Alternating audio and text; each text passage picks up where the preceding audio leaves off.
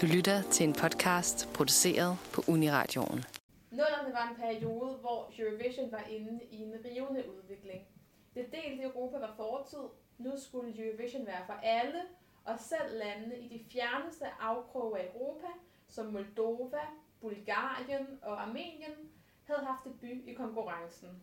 Væk var det vante show over en enkelt aften, hvor seriøse jurymedlemmer skulle vælge en vinder blandt et par og 20 sange, sunget på lokalsprog. Seerne havde nu fået magten. Man måtte synge på lige det sprog, man havde lyst til, og mange lande skulle nu igennem en semifinal for overhovedet at få lov at optræde lørdag aften. I dag i Eurovision Fan Club skal vi snakke om året 2006. Et år, som vi begge mener har været ret skældsættende for konkurrencens historie, og et år, hvor at seerne sendte flere højst kontroversielle bidrag til tops.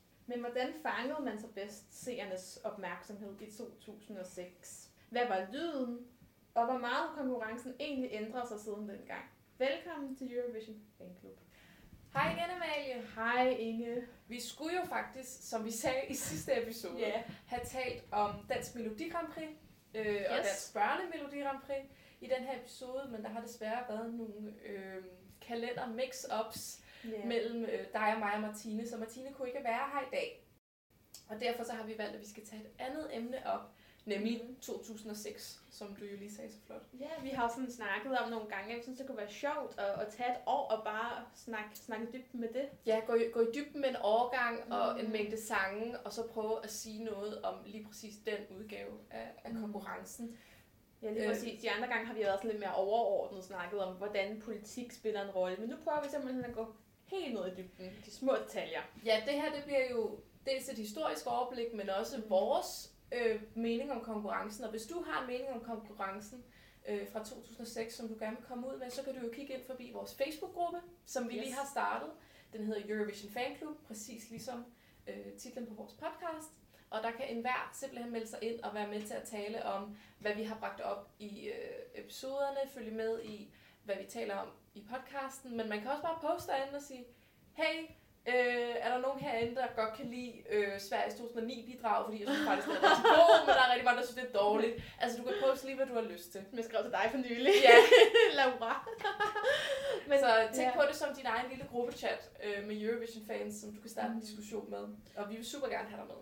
Nå, men vi skal videre til vores Eurovision-humør for den Ja. her uge. Den gode, dejlige tradition. Ja, hvad Og- har du valgt øh, i den her uge, Amalie? Ja, men altså, jeg bliver i mit yndlingsland, Mm-hmm. Sverige. Selvfølgelig. Jeg synes, at jeg, jeg må have den her med. Ja. Fordi vi ved jo, der var finale i Sverige for et par uger siden, Det var og jeg følger jo religiøst med i Melodifestivalen. Jeg følger jo mere med i Melodifestivalen i Eurovision. Øhm, og som mange af jer nok ved, så fandt de en vinder, der var Voices med den helt unge Tusse. Mm-hmm. Øhm, og jeg synes bare, at den aften, det var så stor en forløsning.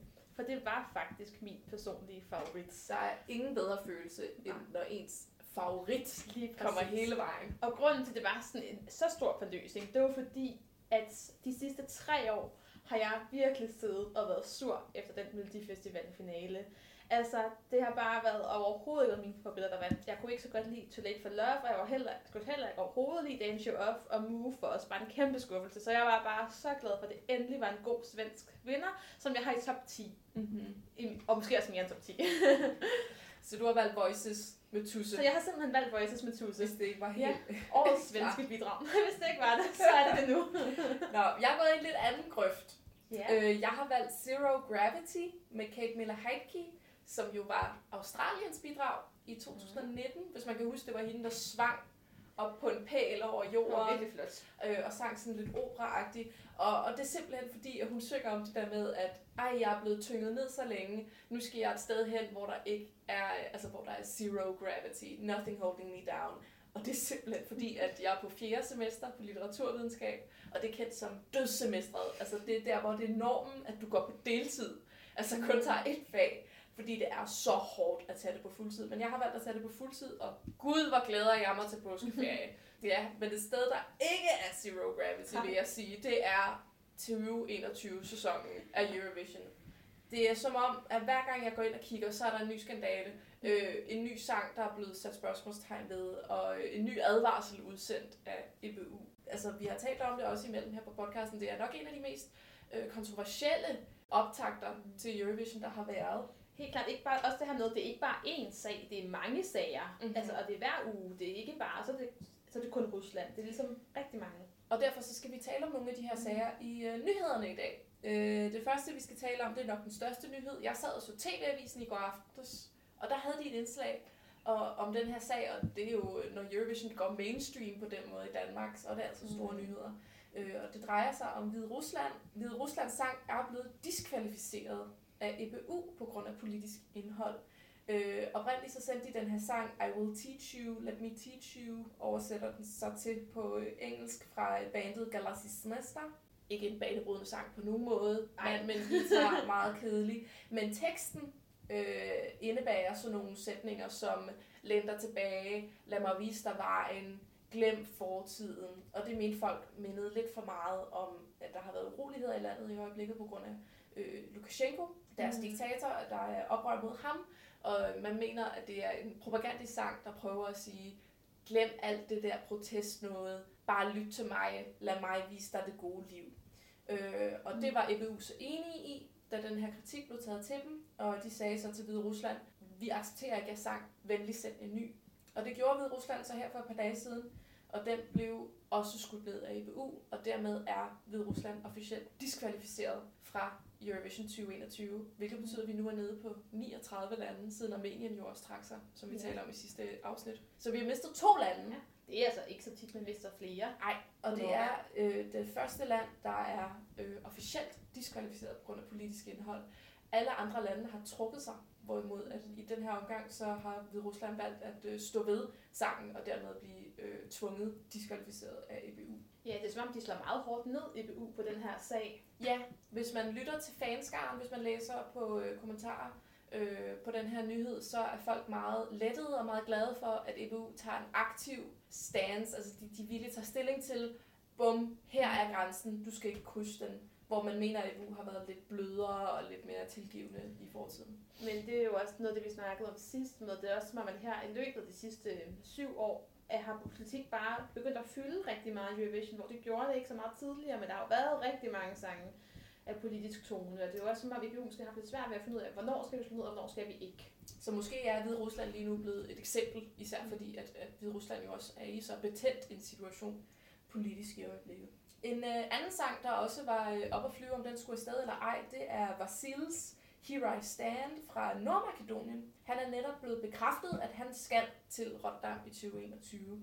Øh, det kommer efter, at hans musikvideo for Here I Stand blev filmet på øh, Nationalgalleriet, Nationalmuseet i Nordmakedonien, og på det her museum, der er der et øh, kunstværk, som består af tre lodrette striber, som er creme, grøn og rød. Øh, og det ligner umiskendeligt øh, det bulgarske flag vendt på siden. Og der var så nogle makedonere, der så øh, den her video og sagde, det er bulgarsk propaganda, at der er det her kunstværk i baggrunden. Øh, og det blev så forstærket af, at øh, artisten Vasil, han er faktisk bulgarsk øh, statsborger, samtidig med, at han er nordmakedonsk statsborger. Han blev født på grænsen lige mellem Nordmakedonien og Bulgarien og føler et tilhørsforhold til begge lande. Så der var nogen, der mente, at det var en, en skjult besked om bulgarsk overherredømme i øh, Makedonien. TV-kanalen i Nordmakedonien meldte ud, at nu vil de undersøge det, men de har så besluttet sig for, at der er ikke tale om bulgarsk propaganda, og Vasil og Here I Stand vil blive sendt afsted. Så det er jo en lykkelig nyhed, Ja. at øh, der er rent faktisk nogen, der kan finde ud af det. Men også noget mere konspiratorisk end øh, Hvide Rusland, må man Ja. sige. Et andet land, der også har mødt øh, modstand fra sin øh, befolkning, det er Rusland. De havde en øh, nationalfinale, et show med kun tre sange, og der blev Manitsa øh, med Russian Woman øh, valgt af seerstemmer. Og det er en øh, sådan lidt spoken word rap-agtig sang, Mm. som handler om øh, kvindefrigørelse, kvindesyn. Øh, hun har sådan en tekst, der handler om, øh, du er blevet lidt tyk, skal du ikke snart blive gift, du er ved at blive gammel, du skal få dig nogle børn.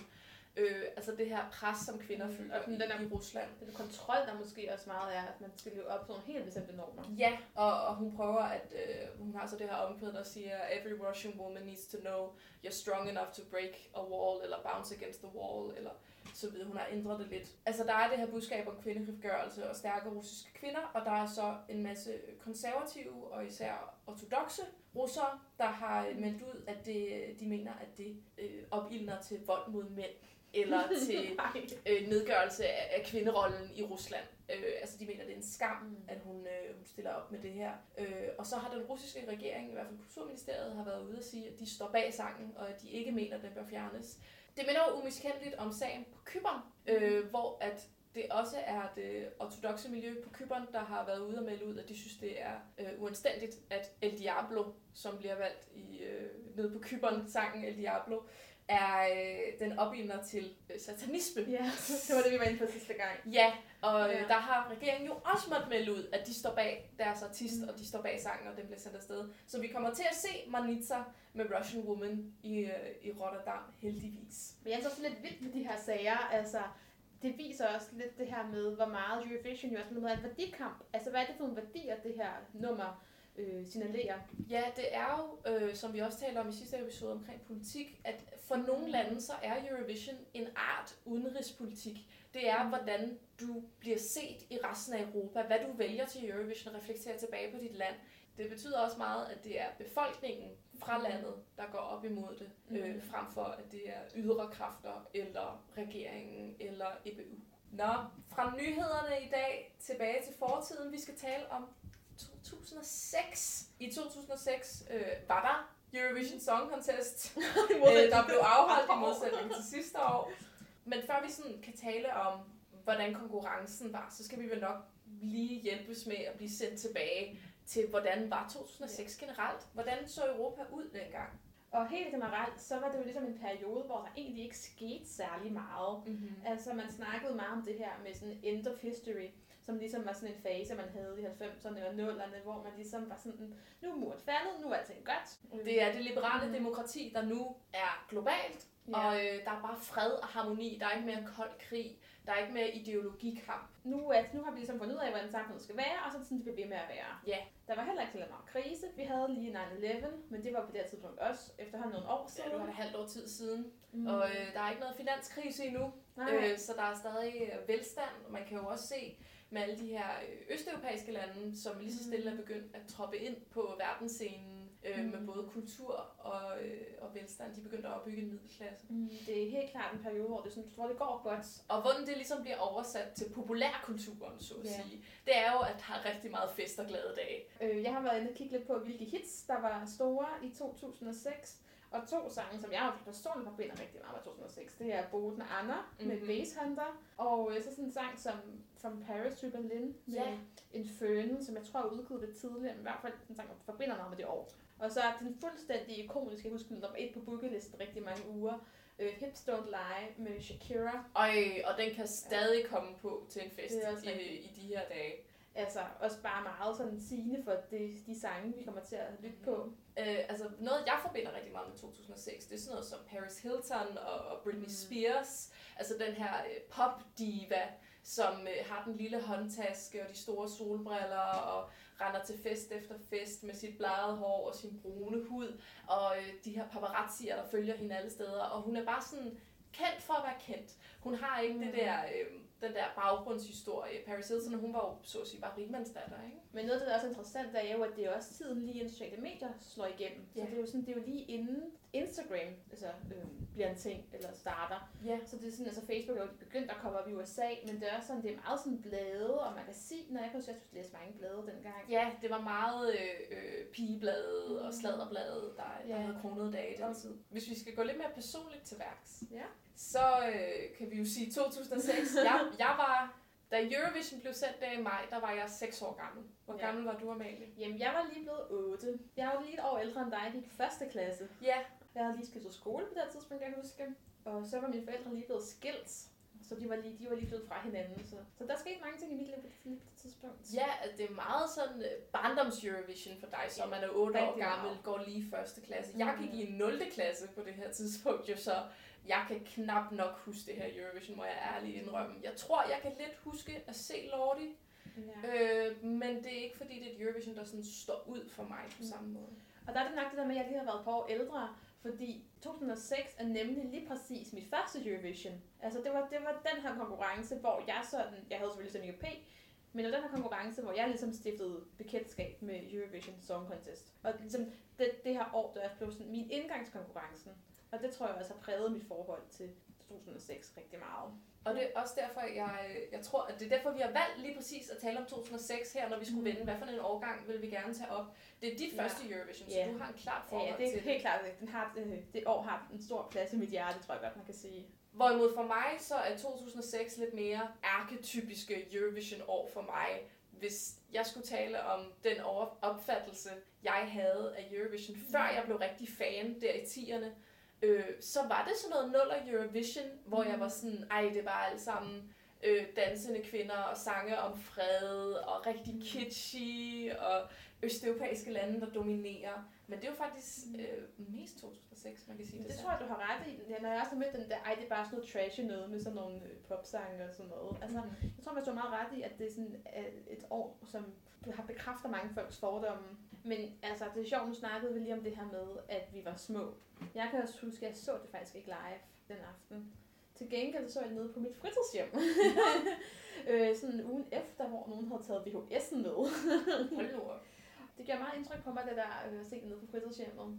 Og det var der, din kærlighed for Eurovision blev født. Det der, at gnisten blev tændt, og du kunne bare ikke stoppes bagefter. Er det, hvordan det var? Hmm, Altså, det var i hvert fald der, det var i hvert fald sådan min indgang til de voksnes Melodi Grand Prix, fordi jeg havde jo meget været på, på MGP, altså elsket MGP, altså siden jeg var så lille, jeg nærmest ikke kan huske det. Men det her, det er sådan første gang, jeg, jeg sådan så, hvad kan det voksne? Øh, og nullerne er jo min yndlingsperiode. Ja. Altså, jeg elsker jo det her med, at det er så crazy, og at det er for meget. Altså, det er jo også noget, jeg elsker ved Eurovision. Jeg elsker, at der er skruet op for alting.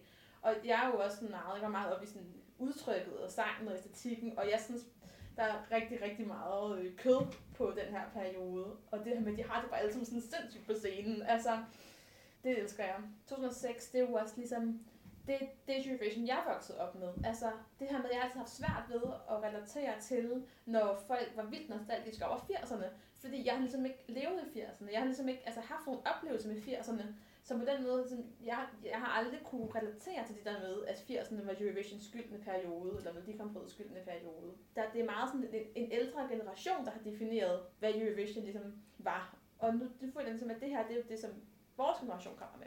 Så det er jo meget sjovt for os at kigge tilbage på vores barndoms Eurovision, og se på det med vores nu øh, voksne briller, og så kigge på, Mm. hvordan så det egentlig ud dengang? Er det, som vi husker det? Mm. Øh, og også fordi, at nu hvor vi er rykket op i en helt ny form for Eurovision, altså det ser meget anderledes ud, så kan vi jo tale om, øh, set i perspektivet, at det her faktisk er et meget stort vendepunkt. Mm. Øh, for Eurovision nullerne er sådan lidt af en opbrudsperiode, Helt hvor vi klart. går fra, det er kun øh, en maks 20 vestlige lande, der stiller op med sangen, til lige pludselig så skal hele Østeuropa komme ind på nogle få år. Vi skal have semifinaler, øh, seersafstemning, sms-stemmer begynder at blive en ting. Altså, der, Mm. der er et kæmpe opbrud det her år. Ja, og der er meget, der sker sådan på samme tid. Altså, at det ligesom bliver, altså, sker i slutningen af 90'erne, men det er ligesom her, at det har manifesteret sig. Mm-hmm. Nu har vi nogle bidrag, som er tænkt til, at de skal blive stemmer, og EBU fandt jo ligesom ud af, at de kunne ikke blive ved med at sortere otte lande fra hvert år. Ja, man var stadig i gang med at finde ud af den her øh, semifinale form, hvordan vi skulle gøre med det. Øh, og hvis vi skulle sige, jamen, så kunne vi jo have taget et hvert år inden for nullerne, men 2006 ser jeg som et vendepunkt, hvor man også kan se, at de acts, der bliver sat ind, der er mange acts, der påtaler Eurovision som et fænomen, og som Mm. prøver at appellere til nogle seerstemmer på en, en speciel måde. Og jeg, føler, jeg ser lidt det som et oprør mod det etablerede Eurovision. Mm, og så synes jeg også, er interessant det her med, at mange af de her øh, lidt øh, oprørske bidrag får mange stemmer. Mm-hmm. Altså især Litauen, som vi kommer ind på senere, Ja. klarer sig jo rigtig godt, og det havde man ikke regnet med på forhånd. Men oprøret synes du jo først rigtig kommer i 2010. Jamen, jeg synes i hvert fald, at det er der, det nye Eurovision ligesom mere bliver manifesteret, eller sådan. Altså, jeg føler, at altså, slutnullerne, det er som om, at meget af det, vi også snakker om, at der er lidt en stil med, det er meget kvinder med øh, korte kjoler og dans, at det synes jeg også, man ser op og ind til 09, at det er ligesom det, der hitter. Altså, 2006 er måske vendepunktet, men en så nybruddet først kommer ægte i 2010, hvor Lena også stiller sig op helt simpelt og synger Satellites, uden alt det her gøjl, som har været så definerende for nullerne, og som For eksempel sige, at Ryberg jo også havde med på scenen. Han havde jo også danset og sprang rundt. Ja. Nå, skal vi bevæge os videre til selve Selve konferencen? show. Nu har vi gået lidt rundt om den varme grød. Ja, Eurovision Song Contest 2006 blev afholdt den 18. og den 20. maj. Øh, det var Helena Paparizou, der vandt med My Number One i 2005, Mm. og derfor så blev øh, Eurovision 2006 afholdt i Athen i Grækenland. Og det store fokus øh, for konkurrencen det år var, øh, altså det tema, de valgte var øh, Feel the Rhythm, det var Mhm. mottoet, øh, som var meget sydlandsk og meget sandt for den her danselyd, der dominerede dengang. Det kommer til at passe meget godt. ja, med de sange, der blev sendt ind. Og så handlede det meget om, at de ville fremvise det antikke Grækenland med et moderne twist. Altså, der, øh, de har lavet scenen, så den ligner et amfiteater med de der, øh, den her halvcirkel med trapper. Mm. Ja, den er sådan ret flot faktisk scene. Jeg kan ret godt lide den. Ja, det er meget ikonisk scene, men, men det handler, øh, og alle intervallaksene øh, har også noget at gøre med det antikke Grækenland. Så det var sådan, øh, hvad grækerne havde valgt, at øh, der skulle være framing for den her konkurrence. Værterne det år, det var øh, Sakis Rovas og øh, Maria Menounos. Øh, et klassisk for nullerne, et, øh, et par, hvor det er en mand og en kvinde, der er, er værter. Og Øh.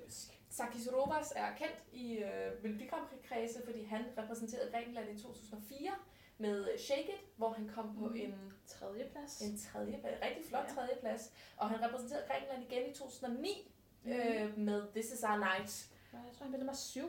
Ja, han kunne ikke helt slå rekorden, men altså, han er en øh, alumne inden for det græske Melodi Grand Prix. Han blev faktisk efter signet oprindeligt tilbudt at repræsentere Grækenland i 2006, men det takkede han nej til, og så øh, gav de ham værtsrollen i stedet. Øh, den anden del er så noget helt andet. Øh, Maria Menounos, hun er en amerikansk tv-personlighed, som mest har gjort karriere inden for sladdermedier som E-News og Access Hollywood. Øh, og hun er ligesom den her amerikanske personlighed, der er blevet sat ind, øh, som har græske rødder. Altså det kommer her, det her med Nonos, hendes efternavn. Øh, jeg synes personligt, hun var lidt unødvendig. Øh, Jeg Mm. tror godt, Saki skulle have taget den selv. Øh, og hun kommer ind sådan lidt amerikaner, øh, ved ikke rigtig noget om konkurrencen. Hun er bare glad for at bære der. Øh, jeg synes, hun var lidt irriterende. Altså, hun gjorde ikke rigtig noget indtryk på mig. Jeg Nej. synes, hun, hun mindede meget om de værtinder, man havde meget i nullerne. Øh, men generelt så også med, at værterne betød jo ikke så meget på det her tidspunkt. De havde jo ikke så stor en rolle. De sagde ikke så meget igen. Ja, Det synes jeg var meget tydeligt. det er en generel ting i showet, at, at værterne kommer ud og siger, Good evening Europe, velkommen til konkurrencen, lad os få den første sang på. Ja. Øh, de, de spiller ikke en særlig stor rolle i showet. Øh, jeg så det med dansk kommentator, og øh, det var jo Mads Vangsø og Adam Duvold Hall.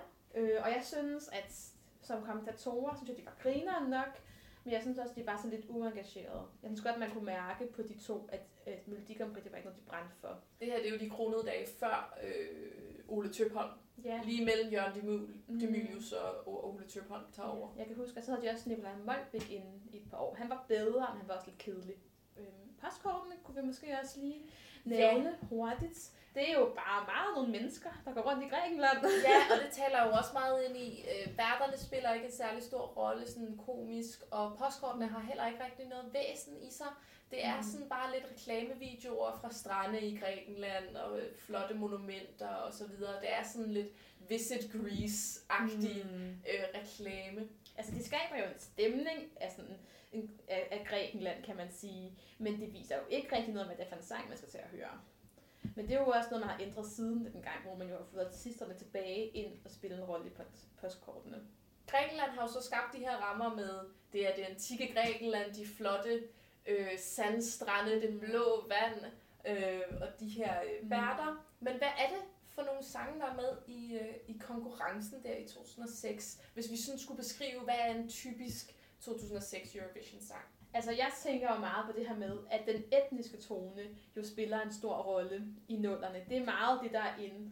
Det er rigtig meget sådan pop, et sommerpop-nummer blandet med det etniske. Ja, og det kommer ofte til udtryk i øh, lokale instrumenter. Der er mange Mm. balkanske stryger, mange øh, sydlige trommerytmer. Mm. Øh, det er meget det, der dominerer. Ja, og Tyrkiet og Grækenland klarede sig jo godt hvert år på det her tidspunkt. Det var virkelig deres storhedstid. Det er kronede dage for, for både Syd- og Østeuropa. Mm. Altså det er meget den øh, lyd, der er op i tiden. Og rent indholdsmæssigt inden under al den her etniske kvinderytme, så øh, har vi meget en, enten en sang, der handler om kærlighed, en sang, der handler om fred, eller en sang, der handler om fest. Det er sådan mm. de tre store temaer, der kommer op, og så har vi så den her ydergruppe af troll-sange, som begynder at, øh, at komme til her i øh, 2006, som jo er meget spændende. Ja, så der er jo så mange af sådan de senere år, både 08 og 09, er der jo også nogle men den typiske sang er helt klart øh, en let påklædt kvinde med en, øh, en fængende øh, dansesang, som har noget etnisk inspireret øh, musikinstrumenter. Og jeg tror, at det har noget at gøre med, at alle de her lande, de kæmper om sms-stemmer. Det er 100% sms-stemmer, og der er 37 lande med, øh, og kun 24 pladser i finalen. Øh, så det handler virkelig om, at du skal skabe et indtryk du skal appellere direkte til seeren, så de vil sende dig deres sms-stemme. Og vel også det her med, at sangene er jo helt utrolig catchy. Ja. Mange af dem. Altså, det er jo virkelig, vi snakkede om før, at det er jo sådan nogle sange, man får på hjernen. Det er en total altså. ørehænger. Altså, alle de omkvæd, der kommer op, det er sådan en, du sidder og nynner bagefter. Du kan huske dem med det samme. Du kan nærmest synge med, mens du hører sangen. Men det er jo lige præcis det, jeg elsker. Det er jo det, jeg godt kan lide. Jeg kan jo godt lide det stærkeste omkvæd det, det der er det vigtigste for mig. Altså en, sang med, altså en god sang, og især med et god, godt omkød. Så jeg, jeg, jeg sluger jo det her råt, det som der var inde i 2006. Og så har jeg også tænkt over det her med, at det værste, man kunne være i 2006, det var at være kedelig. Det er altså, virkelig sandt. Ja. Det er lige meget, om du er usmagelig eller dårlig musik, så længe vi husker dig. Fordi mm. det er de her sms-stemmer, vi, vi kæmper om i det her meget brede felt. Men jeg mener, at det ender rigtig meget ud, at det er det her sex sælger. Altså det er meget sexede kvinder, det er meget fester, farver og glade sange. Altså det er det, der trækker jeg sms Men det var meget sjovt det der med, øh, altså med sex, der sælger, at de danske kommentatorer kaldte jo øh, 2006 for det mest afklædte Grand Prix nogensinde. Og det tror jeg, du har ret i. ja. Der er øh, kvinder i BH'er, og øh, kvinder med korte skørter, og øh, kvinder i strømbeholder, og så videre. Men det er jo fordi, det hele er sommersang. ja, det giver også mere. Men de er også nede i Grækenland. Det er meget varmt ja, nede i Grækenland. Det også har været en varm øh, uge. det kan være, det var derfor, de simpelthen havde det varmt. en anden grund kunne også være, at øh, Helena Paparizou jo vandt sidste år mm. med My Number One. Fantastisk sang. Som jo er den her mm. sydlandske øh, kvindelige popdiva, mm. øh, stærkt koreograferet, altså sommersang. Jeg vil også kalde det lidt den ultimative øh, nuller partybanger. Så det er jo dels seerstemmerne, men det er også meget typisk i Eurovision også i dag, at efterligne sidste års vinder. Fordi man tænker, uh, de havde fat i noget. Mm. Lad os prøve at se, om, øh, om vi kan efterligne dem, og dermed også få en lidt flere point, end vi plejer. Og det var jo også sjovt, at i 07 år efter, der var der jo rigtig mange rocksange med lige pludselig. Ja.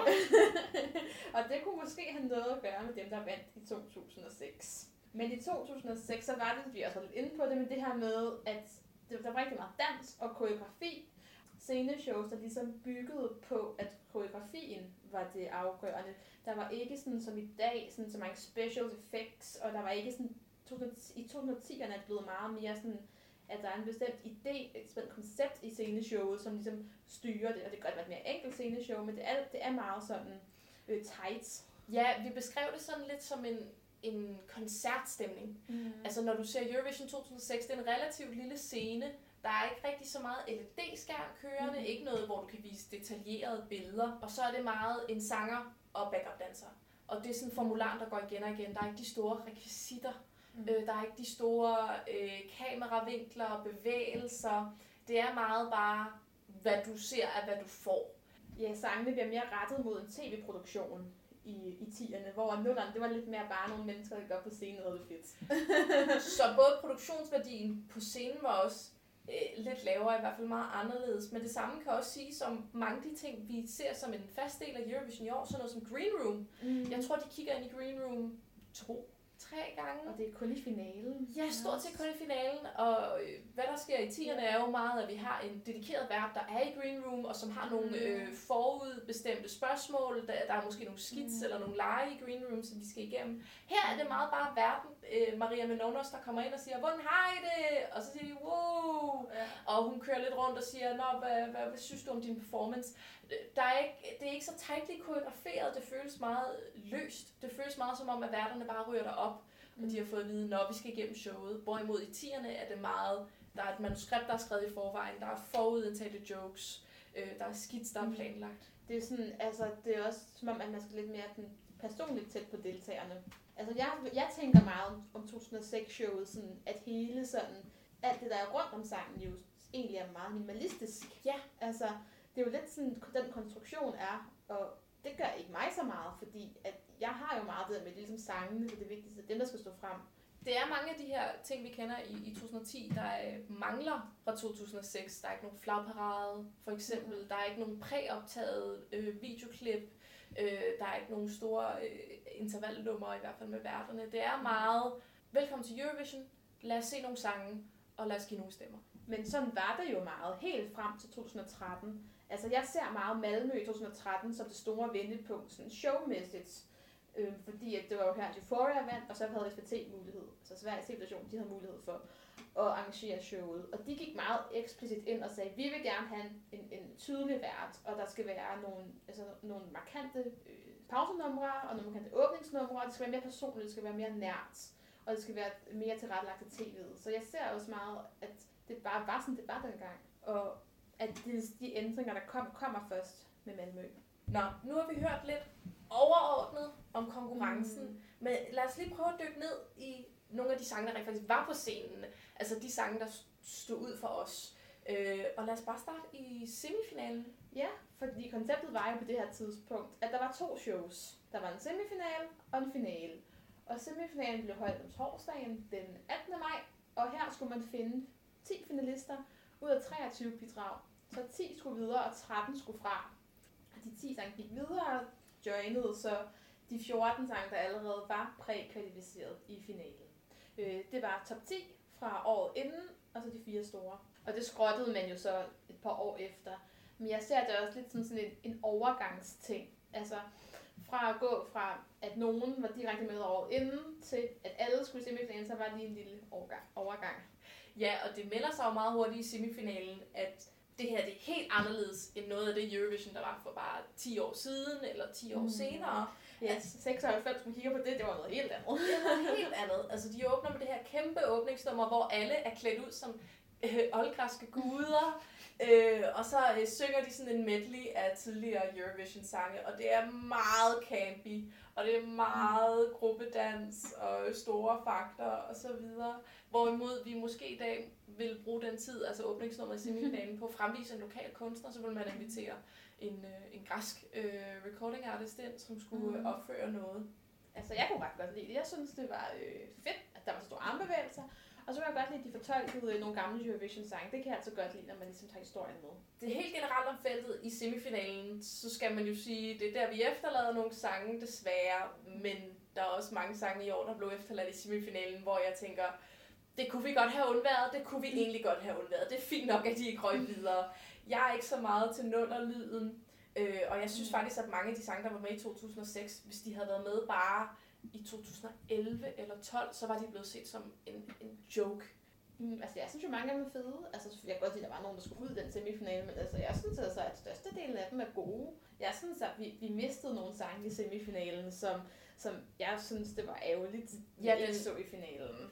Den helt store Mm. øh, chokker det år, som ikke kvalificerede fra semifinalen, det var jo Belgien. Ja, og det var Kate Ryan, som jo var ret, sådan, ret etableret navn allerede, eller på det her tidspunkt, og hun sang øh, sådan øh, meget Grand Prix-poppet, øh, Jet Adore, jeg kan ikke fransk, øhm, og jeg synes, det var mega fed. Så stærk omkvæd, hun er, så, hun er sikker på scenen, det er et skarpt show, og sangen sidder der bare. Mm-hmm. Men hun ryger jo ud på en 12. plads. Ja, sensationelt se. Og det er jo det, der er så sjovt, det er det her med, at det var så, altså det var så stort et chok, at i mange år hed det faktisk, at man lavede en Kate Ryan, hvis, man var, hvis der var en stor fanfavorit, der endte med at floppe eller ryge ud af semifinalen. ja, jeg synes også som en øh, moderne seer, der ikke er Kate Ryan-fan, mm. men bare helt objektivt, at se semifinalen der i 2006, og lige så snart hun kommer på, så er man sådan, Mm. wow, der, der Ja, er virkelig noget der. Også fordi det er en ret svag start. Altså, der er nogen, der ikke er så gode, der er begyndt, så så kommer hun bare på, og så er det som om, så nu er vi rigtigt i gang. Men det er jo også en cutthroat semifinal, når man skal Ja, ja. sortere 13 sange fra, altså det er over halvdelen af sangene, der er ikke får billet til Men- finalen. Jeg sidder og sidder i den dag i dag og tænker, hvordan i alverden kom Kate Ryan ikke med i den finale, fordi jeg synes, den sang står så stærkt i det år. Øhm, men jeg tror måske, at det kan noget at gøre med det her. Det var, det var sådan de sydlandske sange og sådan Østeuropa. Det var det meget, dem, der var fremme på det tidspunkt. Ja. Så måske var hun bare uheldig. Men jeg synes, det var meget stødt, at øh, da Belgien så skal læse deres prank up i finalen, så har deres prank up læser et skilt ned, hvor der står We love Kate Ryan. Det synes jeg altså er meget stødt. Så man, altså, de stod virkelig bag hende, og, og selvom hun ikke kom i finalen. Et andet vesteuropæisk land, der også blev efterladt i, øh, i semifinalen, det er Island. Og Mm. Island i 2006, de sendte i min mening nok den største troll, der nogensinde har været med i Eurovision. Altså hands down. Det er Sylvia Knight, der stiller op med sangen Congratulations. Øh, og Sylvia Knight er ikke en rigtig person. Altså hun er en karakter, der bliver spillet af en islandsk skuespillerinde, der hedder Augusta Eva. Øh, og hun havde sit eget tv-show øh, på Island. Øh, The Sylvia Knight Show. Og Mhm. hun er en satire-karakter, der er inspireret af nuller divaer som Paris Hilton, Britney Spears, Kim Kardashian. Det var jo lige i tiden, kan man sige, på den måde. Hun formåede virkelig at fange den der paparazzi-diva-essens. Og, og til gengæld så tager hun den, og hun tager den hele vejen. Altså hun går virkelig, hun går virkelig langt med den her persona Sylvia Knight. Og hun var i karakter helt fra hun blev valgt, lige til at øh, hun var færdig nede i Grækenland. Både behind the scenes og til pressen osv. Hun gik aldrig nogensinde ud af karakter. Og det skabte rigtig mange kontroverser nede i Grækenland, fordi hendes karakter var jo ligesom, at hun var den her kæmpe diva, og hun havde altid en entourage med sig, og, øh, som også var øh, spillet af Mm. skuespillere, som var karakterer i hendes bodyguards, og hun havde en kæreste, øh, der fulgte med hende. Men hvad der skete var, at hun simpelthen bare øh, skabte så mange scener, øh, når pressen kommer og interviewede hende. Hun var den her store diva-karakter, og hun bandede og svoglede af dem, når de ikke Mm. gjorde, som hun ville have.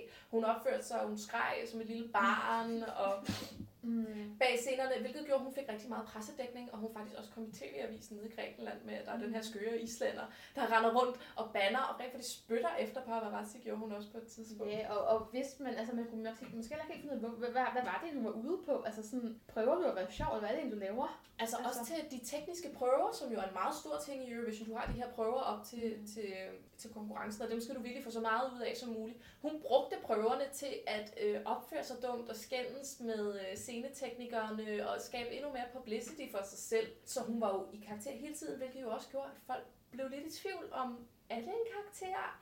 Er det en rigtig Mm. kvinde? Hvis man ikke er islænding, så kender man jo ikke rigtig Sylvia Knight. Mm.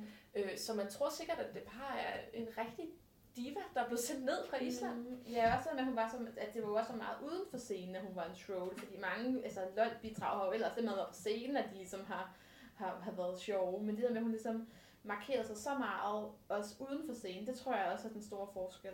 Ja, og hun øh, mødte en del modstand for det øh, mm. i. Grækenland og øh, ned til konkurrencen. Hun blev Mm. buet af, af nok det, man husker meget. Og så også det her med, det, noget det, som jeg lagde meget mærke til, var det her med, at hun, hun synger over sidst i semifinalen. Hun er simpelthen aftenens sidste sang i semifinalen. Og det, der jo plejer at ske, det er, at efter sangen, så cutter man til næste bidrag, næste postkort. Men fordi hun er sidste sang, så cutter de ikke. Så står optagelsen bare inde på, altså i, i arenaen, hvor publikum bare bliver ved og ved og ved med at buge. Så det er et ret vildt øjeblik. Ja, og grund til de buer, det er jo nok, at hun i sangen øh, synger, at øh, nu er hun kommet for at redde Europa. Øh, vinderen er endelig kommet, så stem på mig. Jeg elsker jer, mine europæiske øh, darlings. Og hun ringer til Gud, og det er simpelthen, jeg synes, det er så sjovt. Ja, altså det er så langt, og hun skriger, og hun valser rundt, og hun laver adlibs, og altså det er sådan noget, hvor når man ser det, så ved man, det er en joke. Men fordi den er på den her scene i 2006, hvor der er meget kitschede bidrag, så bliver man måske også lidt i tvivl. Sådan, er det en joke? Eller er det virkelig det her popdiva-idol, som vi fremsætter? Er vi kommet så vidt? Er det Ja. simpelthen det, der er blevet den nye norm? Så hun laver på en måde sjov med bidragene, der også er i konkurrencen, ved at tage dem Mm. altså 110 i timen. Men man havde jo nogle altså, store divaer som Carola og Anna Vitti, som vi kom ind på senere. De var jo ægte divaer, så altså, det, er jo, måske, det bliver måske også lidt en gråzone. Ja, jeg synes sangen var ganske fin. Jeg synes ikke, hun Mhm. forventede at blive budet. Jeg synes, det var en rigtig... Øh, øh, altså, hun synger den godt, og hun giver en fed performance. Og, og det er også en sang, jeg kan lytte til på Spotify, bare øh, i ørerne, mens man er ude. Altså, jamen, jeg er helt enig. Jeg elsker det, og jeg altid gjort. Jeg synes, den er virkelig fed. Jeg synes, det, altså, det er jo også, der sker meget visuelt. Der er mange rekvisitter, og altså, hun har virkelig proppet meget ned i det nummer. Og så synes jeg også bare, at det er sådan vildt, vildt catchy sang. Altså, jeg har altid godt kunne lide den. Altså, den, den jeg altid godt kunne lide. Ja. Øhm, og også det her med, at det er jo dybt ironisk. Altså, Jeg ser det mest som et fantastisk stykke performance art. Altså, det er jo det, hun har lavet. Det er en hel performance, både mm. på scenen og uden for scenen. Hun er i den her karakter. Øh, hun fik jo meget had for det. Også øh, sangeren Lordi fra øh, Finland og Da Samson fra Storbritannien udtalte sig også til pressen, hvor de sagde, at de synes, hun er, hun er gået for langt nu. Og øh, Augusta Eva, øh, efter konkurrencen, aflivede karakteren Sylvia Knight og optrådte ikke som hende igen. Og hun udtalte sig og sagde, at det er fordi, at hun tog Sylvia Knight så langt, Mm. at hun tænkte, nu er der nogen, der stopper mig. Altså, hvor langt kan jeg tage det? Det var hele tiden hendes mål med at Ja. se, hvor langt kunne jeg tage den og stadig blive taget seriøst. Hvor går grænsen? Ja, og hun kunne simpelthen ikke finde den grænse. Hun tog den hele vejen, hun kunne. Og så mente hun, "Men jeg kan ikke blive ved med at være Sylvia Knight, fordi nu har jeg gjort alt. Og hun siger, at i dag står hun stadig ved det, og selvom hun fik så meget kritik, og hun blev buet ned og jo ikke kom videre fra semifinalen. Jeg synes, det var fedt, men man må jo også bare konstatere, at humor på tværs af landegrænser, det kan være svært. Det er meget svært. Og det, man synes er sjovt i Norden, er måske ikke noget, som de finder særlig morsomt i Syd- og Østeuropa. Og jeg tror egentlig heller ikke, at hendes øh, mål med at være med i Eurovision var at vinde. Jeg tror mest af alt, hun bare gerne vil lave den her øh, performance. Men der var jo mange crazy sange. Virkelig. 2006. Og den sang, der lige præcis ikke klarede skærene i semifinalen, det var Polen. Ja, de kom ind på en 11. plads, altså lige bagved øh, den sidste til at Ja, og lige foran Kate Ryan. Ja, Og det var gruppen i trøje, jeg tror det er tysk øh, i trøje. og de havde det her fuldstændig crazy nummer, Follow My Heart. Altså, som også bare inkarnerer, hvor, hvor, hvor vildt det var i 2006. Altså sådan utrolig teatralsk kostymer og masker og Sådan noget rokoko, ja. Ja. øh, guldtøj Ja. med masser af detaljer. ja, meget pompøst. Ja, Og så har de samtidig en rapper med på scenen. som er nede i publikum. Og publikum går bare helt amok Ja. og vinker. Um, så de, og de synger både på tysk og på engelsk og på polsk. Og, altså, det bliver jo lidt mærkeligt, men jeg synes også bare, at det er fedt, at det er så meget for meget. Altså, Det er rigtig meget for meget. Lidt ligesom Sylvia Knight, men mm. på den her Mm. måde er det jo en tro, ægte camp Eurovision-bidrag. Altså, Ja. det her det er ikke en parodi. De stillede også op for Polen mm. i Mhm. 2003. Så, så det er en rigtig Eurovision-artist, det her. Det er ikke en troll. Mhm. Men jeg synes også bare, at omkvædet, det sidder der. Jeg synes, det er et rigtig godt, skarpt omkvæd, som jeg godt kan lide. Så jeg, altså, jeg synes, det er en god sang. Ja, og øh, de her tre sange, vi lige har talt om, Belgien, Island og Polen, det er jo tre sange, som ikke kom videre til finalen. De tre, der vist lige missede, dem er Island blev nummer 13. Og, og jeg tror også, det er tre sange, som vi er, begge to er enige om. De skulle Ja. have været med. Ja, de burde have klaret dem. Så har jeg også en lille personlig favorit i Estland, men hun var jo, altså hun skilte sig ikke så meget ud. Nej, desværre ikke. Men øh, også super catchy, hun var jo svensker, så dejligt svensk bidrag. Men hvilke sange skulle så ikke have været med? Altså den eneste, jeg kan pege på, det var Tyrkiet. Tyrkiet, ja. ja.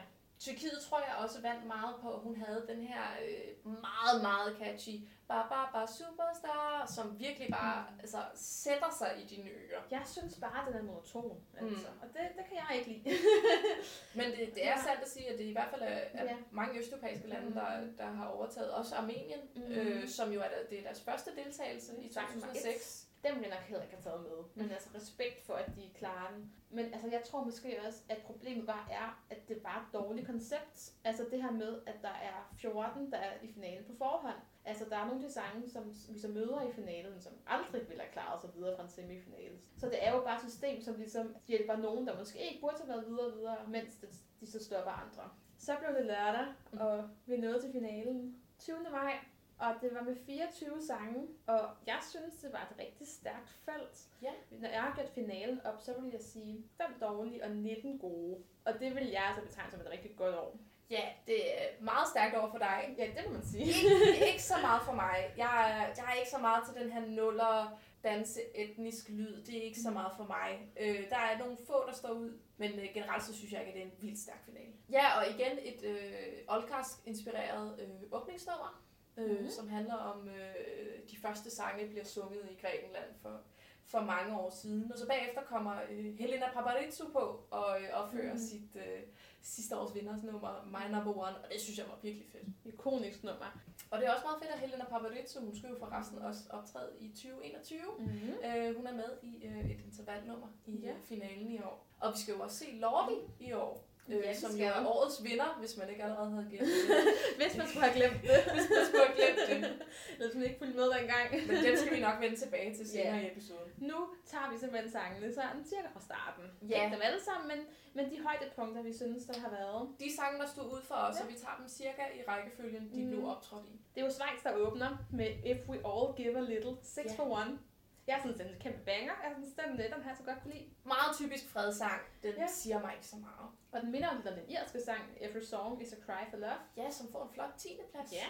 Og som er rigtig, også et rigtig stærkt nummer. Som er meget irsk. Meget øh, irsk. Meget old school meget 90'er irsk. Johnny Logan-agtigt Ja. også. Og en af de få gange i Irland, jeg faktisk har klaret sig godt i Mhm. nyere tid. Og så kommer vi videre til sang nummer to, som jo er den fuldstændig ikoniske, synes jeg, øh, Lopka med Arsenium featuring Natalia Gordienko. Og Natalia Gordienko skal faktisk også repræsentere Moldova i øh, 2021. Det skulle hun også i 2020. Mm. Men øh, hun er jo så en gammel kending, der vender tilbage fra Moldova. sige. Men Arsenium, ham kender de fleste også, øh, fordi han var med i den også ikoniske gruppe Ozone. Nå, Men i hvert fald den her Lopka, den inkarnerer jo også meget af det, som, som det her år står for. Altså, de har ikke særlig meget tøj på. Natalia, hun tager i løbet af sceneshowet mere og mere tøj af. hun har ikke så meget tøj på til at starte med. øh, sådan en lille BH og en lille, lille crop top. Ja. Øh, og så en meget, meget, meget kort nederdel. Men til sidst, så går hun ind, de har sådan en skærm med på scenen, så går hun ind bagved og tager en brud, brudekjole på, for ja. ligesom at øh, manifestere den her øh, kærlighedshistorie, som sangen ligesom øh, repræsenterer. Så har de også en, en øh, rapper med på scenen, som kører rundt på løbehjul. og der rapper Arsenium for the next millennium. Ja, Og jeg synes, det er fuldstændig genialt. Altså, det er meget 2006. Der sker rigtig meget på scenen. Mm. Kameraet kører bare rundt om dem, og hun tager mere og mere tøj af, og der er de her hip-hop-rytmer, mm. og de har en, en rapper med, der lige skal give et vers. Men jeg synes bare, man må give dem, at det bare er et rigtig, rigtig godt nummer, synes jeg. Altså, jeg ved godt, det også har fået meget kritik. Men det er faktisk meget sjovt, at jeg har oplevet sådan her for nylig, for ikke så længe siden, en af mine venner fra mit studie, var sådan, ej, den der Hey Look der, den var da god, den havde jeg en koreografi til, da jeg var barn og sådan noget. altså lige den, den tog hun frem. Og det synes jeg var ret sjovt. Og jeg tror også, det hænger meget sammen med, at 2006 også var et år, som der var mange, der så. Altså mange i vores omgangskreds, mange på vores alder, Ja, så det er- dengang. Det er barndomsgrandprixet, og så tror jeg heller ikke, man lytter efter, uh, hvor god en komposition Mm. er den her sang, så tror jeg, man tænker, ej, hvor er det sjovt, der er en mand på løbehjul. Arsenium var ikke den eneste med et stort hit, der stillede op i 06. Gruppen Las Ketchup stillede simpelthen op for Spanien, Ja, som jo er dem med Ketchup-sangen, som jo også var et kæmpestort hit i Europa. meget ikonisk Mm. øh, nuller Europa-hit. Helt klart. Der var virkelig nogle stykker der, og især en ikonisk koreografi, som, øh, som man stod og lavede på dansegulvene rundt omkring Ja, i nede, Europa. nede i fritten, øh, Ja. nede på SFO'en, prøvede man at gengive det. Men altså, jeg synes ikke, den sang, de stillede op med Un Bloody Mary, var lige så god som øh, Ketchup-bangeren. Ikke som ketchup-sang, men det var i hvert fald meget øh, øh, tro til, til gruppens æstetik. Og så kommer der jo en sang, som vi er meget uenige om. Ja. Letland. Ja, ej, nej, nej. De tager, de tager et stort sats i 2006 Uh, og stiller op med et a cappella-nummer. Og det er der jo ikke regler imod i Eurovision. Den eneste regel er, at der skal Mm. være sang til stede. Der er ikke nogen regler om, at der skal være musik. Så det er øh, seks mænd, der øh, Mm. synger a cappella, kun deres stemme, og fremfører sang. Jeg synes, at det, det er et sjovt sats. Jeg synes, jeg havde ikke rigtig det store imod sangen. Du krummer tær helt op til knæene. Meget, også fordi de tager sådan en robot med ind på scenen. en fjernstyret robot, eller hvad? Måske ikke engang fjernstyret, bare en, der går rundt med derinde. Og ej, men jeg har jo også, jeg har meget mel- melodimenneske, og der er jo ingen melodi i det her nummer. Og der er jeg måske lidt mere et performance-menneske. Ja, det er Og, nok og lidt mere et samlet pakke-menneske, hvor jeg synes, at det er jo meget spændende. Nu kan vi også se noget a cappella. Øhm, nå, skal vi tage den? Danmark. Vi stillede op med helt unge, 17-årige Sissel Ben Semane og øh, sangen Twist of Love, der vandt et ret svagt dansk Melodi Grand Prix. Ja. Men altså, jeg synes, at Trip of, Twist of Love er rigtig fed. Altså, den har et godt drive, den har et stærkt omkvæd, det er bare det party. Altså, jeg har altså godt kunne lide den. Øh, hvad med dig, Inge? Jeg synes, at den er måske lidt for amerikansk for mig. Mm. Den skulle sådan øh, vende tilbage til sådan de der lidt mere 60'er, doo-wop-agtig stemning. Men jeg synes i hvert fald, at det er meget spændende, at hun står ud i, i feltet øh, mm. i forhold til alle de her sydlandske rytmer. Men kunne det ikke have været lidt mere spændende, hvis vi havde gjort noget typisk dansk? Ligesom alle de her østeuropæiske lande laver noget meget etnisk østeuropæisk. Kunne vi ikke have lavet noget typisk dansk, i stedet for at kigge mod Amerika, og så låne en øh, amerikansk genre, doo-wop og twist, mm. til at fremføre vores danske sang? Ja, men Danmark er jo bare, vi, vi, vi er jo ikke så orienteret mod folkemusik. Nej. Og det kræver selvfølgelig også, at der er et bidrag i Dansk Politik som kommer med det. Og hun klarede sig jo heller ikke rigtig godt. Ej, det blev sådan en 18. plads. Ja. Og jeg kan huske, at man meget sådan snakkede om, at det gik dårligt for Danmark. Og jeg vil sige, det er nok det er lidt et dansk bidrag med et eftermæle, som er sådan lidt, og der gik det ikke så godt. Nå, men efter Danmark, så sang Rusland. Ja, og det var en af de helt store favoritter i 2006, og ender jo også med en meget flot andenplads, synes jeg. Også en gammel kending, Dima Bilan med Never Never Let You Go. Dima Bilan, han vender tilbage fra Rusland i 2008 og vinder Eurovision Mm. med uh, Believe. Uh, jeg synes, at Never Never Let You Go, altså det er min store favorit fra 2006. Jeg synes virkelig, den er tidstypisk 2006. En meget sød kærlighedssang, og øh, han synger den virkelig godt. Det er en, man virkelig kan lytte til igen og igen. Og jeg synes Mm. faktisk også, den er bedre end hans vindersang Believe fra 2008. Jeg synes, at han skulle have taget den i 2006. Det er faktisk meget sjovt, fordi det er faktisk en sang, hvor jeg har skiftet lidt mening i løbet af årene. Da jeg var sådan en, øh, en 10-årig deromkring, der var jeg på din linje. Der synes jeg også, og egentlig også i årene efter, men der synes jeg, at øh, Never Never Let You Go var bedre end Believe. Det synes jeg øh, dengang. Men det har jeg faktisk, der har jeg faktisk skiftet mening i dag. I dag synes jeg, at Believe er bedre. Jeg synes, den har lidt tydeligere melodi, øh, hvor at Never Never Let You Go for mig er sådan meget, den er meget let, og sådan, den er rigtig fin, men den er sådan, der er, der er noget mere sådan umf i Believe. Men jeg synes, at sceneshowet er rigtig flot. Jeg synes, at det er jo totalt ikonisk med den der dame, der kommer op af klaveret og Ja, sådan ballet-inspireret, så Ja, kravler op, så er der en dame, der kravler ud af et klaver. Mm. Det er sindssygt. Jeg synes, det er meget flot løst. At det både er sjovt, men det er heller, han, han, han er jo ikke for meget, kan man sige. Men også du var lige inde på det, det her med, at jeg synes, at det her bidrag er et rigtig godt eksempel på, hvad musik også er. For man snakker så meget om umba umba og øh, let påklædte kvinder og etnorytmer, men altså, det her er jo også, synes jeg, et typisk nullerbidrag. Der var jo også rigtig, rigtig mange enkle gode popsange Mm-hmm. i nullerne, og ikke både bare i Eurovision, men også bare helt generelt på hitlisterne. Og fra et nuller-typisk bidrag til det andet, vi skal til Makedonien. Ja, med Elena Risteska, der stiller op med sangen Nina Naina. Ja. Og jeg synes, at den her Nina Naina, øh, jeg har altid været rigtig, rigtig vild med den, og jeg vil måske sige, at det er den allermest tidstypiske sang. Hvis jeg skulle pege på én sang, som er sådan, det der, det er inkarnationen af 06, så tror jeg måske, jeg vil pege derhen. Hun blander den virkelig, det er meget catchy omkvæd, meget Helt vildt. etnopop, øh, meget Mm. stærk diva, meget stærk koreografi. Lige præcis, det er sådan dans, og det er rytmer, og der er sådan nærmest en MTV-musikvideo-stemning i Ja. nummeret, synes jeg.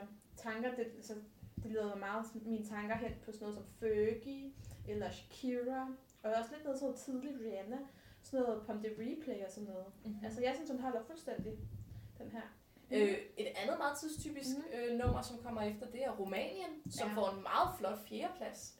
Også en fantastisk sang, synes jeg. Nå, vil du prøve at udtale hans navn, skal jeg gøre det? det er Mihai Traistariu ja. med Tornero. Og det er jo et omkvæd sunget på italiensk. Ja. vers på engelsk, og så omkvædet på italiensk. Og det synes jeg også bare er en kæmpe banger. Altså, som også, den, den har virkelig også meget af det, som nullerne også er. Det der sådan beat, der bare sådan fuldstændig sådan pumper insisterende. Det er meget Eurodance. Mm. Øh, meget startnuller Eurodance. Og, Mm. og det er en kæmpe banger. Jeg kunne godt forestille mig, at hvis den her blev sat på øh, i fritten, Ja. da jeg var barn, så ville jeg da have hoppet og danset og hygget mig. Lige præcis, som jeg synes, man kan se, at han får virkelig salen til at koge, og han får et kæmpe bifald. Han leverer den også vokalt. Fuldstændig. Vildt meget. Altså, og ja, og et meget typisk sceneshow med mange øh, dansere, og sådan, der er ting ligesom, at det sådan skal være to piger, som er lidt forskellige, som kæmper om ham her forsangeren. Det er ligesom det, Rumænien havde tænkt, de ville komme med. Men jeg synes bare, altså kæmpe omkvæd, synes jeg, og ej, det bygger så godt op. Fra fjerdepladsen til tredjepladsen. Ja, op. Bosnien og Herzegovina, som øh, stiller op med Hadi Matahari med sangen Leila. Hadi Matahari er en øh, etnisk øh, øh, musiker fra øh, Bosnien og Herzegovina. Han stiller op med en, en Balkanballade, Mm. er nok, hvad vi vil kalde det. Og det er jo også, altså Balkanballader er jo også meget i tiden. Altså jeg synes, den er rigtig flot, den her meget stemningsfuld. Det er meget tidstypisk sang også. Mm. Altså det her. Balkanballader, det er jo også noget, vi ser have succes senere Mm. hen i konkurrencen. Øh, de, her, muligt, var. de her meget Mm. strip back, øh, etnisk inspireret, sunget på Mm. modersmål, øh, og de har folkeinstrumenter og folkemelodier, og det er meget populært her i, mm. i nullerne. Det er Ja. det, der trækker stemmer. Og det er vel også lidt der, de piger, vi har. Serbiens Molitz var året efter, og så er der Oro, der også klarer sig rigtig godt i 08. Men det er vel ikke sådan en genre, som er helt op at ringe i dag. Nej, jeg tror ikke, at øh, hvis øh, Bosnien-Herzegovina havde stillet med den her sang øh, i år, så tror jeg ikke, de havde kommet ud af semifinalen. Ej, det tror jeg måske ikke, at de var. men altså, altså, det er lidt sjovt, at, at det var, men det er måske også, at det var meget det sydenlandske, og meget det etniske og Sydeuropa. Det var ligesom det, der hittede. Det var meget det, der hittede i Ja. 2006. Og der er vi måske ikke længere. Nå, nu skal vi til en sang, som vi jo foregreb lidt tidligere i Mm. episoden, Litauen, Mm. som er endnu en af de her troll acts, Mm. lidt i linje med, med Sylvia Knight fra Island. Øh, de stiller op en gruppe, der hedder LT United, som har en sang, der hedder We Are The Winners. Og den har man sikkert hørt om, også selvom man ikke er Eurovision-fan, fordi Mm. de har det fængende omkvæd We Are The Winners of Eurovision. Mm. De stiller simpelthen op med en sang, øh, som også musikteknisk er sådan lidt drillende. Øh, de beskriver det selv som en stadionsang. De har den her na na na na na øh, i omkvædet, Mm. mm. som om de nærmest øh, siger, at vi er vinderne, og I kan bare tage hjem, stem på os. Det er sådan set, hvad deres sang siger. De siger jo altså stemme på vinderne. Vi kommer til at vinde, så stem på os, fordi vi vinder. Ja, og det det er siger. meget provokerende. Det er en klar provokation over for hele Eurovision-formatet, at øh, nu handler det bare om, at I skal stemme på os, Ja. og så rende og hoppe med sangen. Det er jo at tage afstemning til det yderste. At hvis det bare handler om at få stemmer, så kan man jo bare sige, at I skal stemme. Og de blev også buet af i salen. Mm. Ligesom Sylvia Knight. De, Helt ikke lige så meget, men der blev også buet hver gang de fik point. Og også da den litauiske altså, pointoplæser kom på, så budede de også af hende. Det synes jeg alligevel var lidt vildt. Altså hun har jo ikke noget at gøre med den sang. Ja. Altså så det var virkelig, det var også meget karakteristisk for, øh, for, for 06, det her med, at der er meget bue generelt. Øh, når de her trollacks kommer på, som, som provokerer og som gør op med det her Mm. konkurrenceformat og hvad Eurovision er, øh, Mm. så møder de meget modstand fra, Mm. fra publikum og bliver meget upopulære. Mm. Til gengæld fik de rigtig mange seerstemmer. Mm. De kommer på en 6. plads. Det er jo ret vildt faktisk. Øh. Får rigtig, rigtig mange point, og også sådan nogle topkarakterer over for sådan noget som øh, Irland og Storbritannien, lagde jeg mærke til. Men altså, jeg kan faktisk godt lide den. Det er en meget kontroversiel sang. Den splitter Mm. lidt vandene i, i Mm. fanmiljøet, men jeg synes faktisk også, at det er en sang, man kan lytte til. Mm. Øh, jo, det er en lidt stadionagtig øh, råbesang, Mm. men øh, meget fængende. Jeg synes ikke, at det var en specielt dårlig performance heller. Jeg kan huske, at øh, de der nordiske optagsprogrammer, som kørte på det tidspunkt, der kan også de fuldstændig slagtede den. Altså, og gav den sådan etter og nuller, og, og så, altså, så går den op og klarer sig så godt. Og jeg synes, jeg synes så bare, man skal huske på, når man har det her kontroversielle bidrag, at det bliver jo også nødt til at have en eller anden form for øhm, musikalsk, musikalsk kvalitet, for ligesom at komme op i rækkerne. Ja. For hvis ikke sangen har noget i sig, så smider folk den, så gider de ikke stemme på den. Så man bliver også nødt til, altså sangen så bliver nødt til at kunne et eller andet. Og det synes jeg også, den kan. Jeg synes jo, mange af de senere troll-bidrag er ret grusomme, Ja. der kommer de senere år. Men jeg synes, den her sang har et eller andet. Nå, og nu skal vi til et andet land, som også øh, at jeg deler vandene lidt, og det er Storbritannien, og deres bidrag Teenage Life med Das Samson. Og det er en, en rap-sang, en hip-hop-sang, og så har han de her skolepiger med inde på, øh, på scenen. Ja, skolepiger. Det er voksne kvinder i skolepigetøj. Skoleuniformer. altså Storbritannien har det her koncept, at de ligesom øh, har taget et klasselokale med på scenen. Der er en tavle, og så er der nogle øh, skolebænke, og så piger i skoleuniformer. Og de synger også det her omkvæd sådan, med lidt en meget sådan, lille pigeagtig stemme. Og jeg synes, den er virkelig fed, og har altid synes det. Jeg synes, den holder fuldstændig, øhm, og har også igen et virkelig catchy omkvæd, og det betyder bare rigtig meget. Ja, det her det er endnu en sang, vi, vi kan blive enige om. Jeg synes også, at den er ret god. Jeg synes også, den er kitschet. Øh, altså teenage life og skolepiger, der står og synger med, med tunge aksanger, men jeg synes også, det er Så meget britisk. god. Det er meget britisk, ja, og Mm. en meget god repræsentation af rap i nullerne. Øh, som Nick og Jay, det er lidt mere lavere tempo, lidt mere Mm. historiefortællende. Mm. Og en ikonisk Eurovision-sang. Altså, man Mm. kender den bare i fanmiljøet. Ja, og jeg har også oplevet, jeg havde simpelthen så underlig oplevelse. Øh, vi har, øh, vi går begge to på øh, Kua. Ja. Der ligger en stambar lige i nærheden, som jeg kan godt kalde for Arti. Og der var jeg på et tidspunkt, det er et par år siden efterhånden, og øh, sidder sådan eftermiddag og drikker en øl. Og så pludselig, ud af det blå, kommer den her sang på. Og jeg kunne huske, jeg var så chokeret. Og så lige da Samson, 19. pladsen fra 06, hvad laver den her? Altså sådan, det var så skørt. Men den bliver vist også stadig spillet i Storbritannien. Det blev et ret Mhm. stort hit derhjemme. Det her det er jo den form for hiphop, som jeg godt kan lide. Altså, jeg, jeg er ikke så meget til det der med bare et beat og noget, nogle bandeord. No. Og så kommer vi til værtslandet, Ja, Grækenland. Grækenland. Og det er jo en veteran, Anna Visi, der sang øh, den meget storladede ballade Everything. Egentlig det, det er meget sjovt, fordi det her nummer, øh, der afviger Grækenland faktisk fra deres, den, og den linje, de kørte i mange år. Det var jo sommer, sommerpop, Paparizou og Sakis stilen Nu går de simpelthen all in på en ballade. Og det er jo også det her med, at tit når man er værter, så har man ligesom lidt et gratis forsøg, hvor man kan prøve noget andet. Ja, fordi man er garanteret en finaleplads Mhm. som værtsland. Mm, og man er garanteret rigtig meget støtte i salen. Så det er ligesom om, man ligesom kan eksperimentere lidt. Ja, så kan man gå en lidt anden vej og sige, okay, nu skal vi ikke tænke så meget på konkurrenceelementet. Lige præcis, vi har lige vundet. Ja, lad os, øh, lad os sende noget interessant. Og jeg kan faktisk virkelig godt lide, Mm. mm. øh, det er en stærk ballade. Når man Mm. rammer øh, klimakset i sangen, så Mm. falder hun på knæ Ja. og leverer den altså fuldkommen vokalt Mm. øh, med røgmaskine og Ja. fyrværkeri og det Det er hele. ekstra alt. Jeg var øh, kæmpe fan. Og det er også en sang, som er, sådan, har et ret godt omdømme sådan, i fankredse. Og øh, sang nummer 22, som næsten lukker og slukker, Ja. det er jo øh, også en, en legende, jeg næsten tillade mig at sige, inden for Eurovision. Ja. Det er svenske Carola, der synger Invincible, Selveste Carola, der synger Invincible Ja. for Sverige. som jo vandt i 91 og Ja. fik en tredjeplads med Fremling i 83. Ja.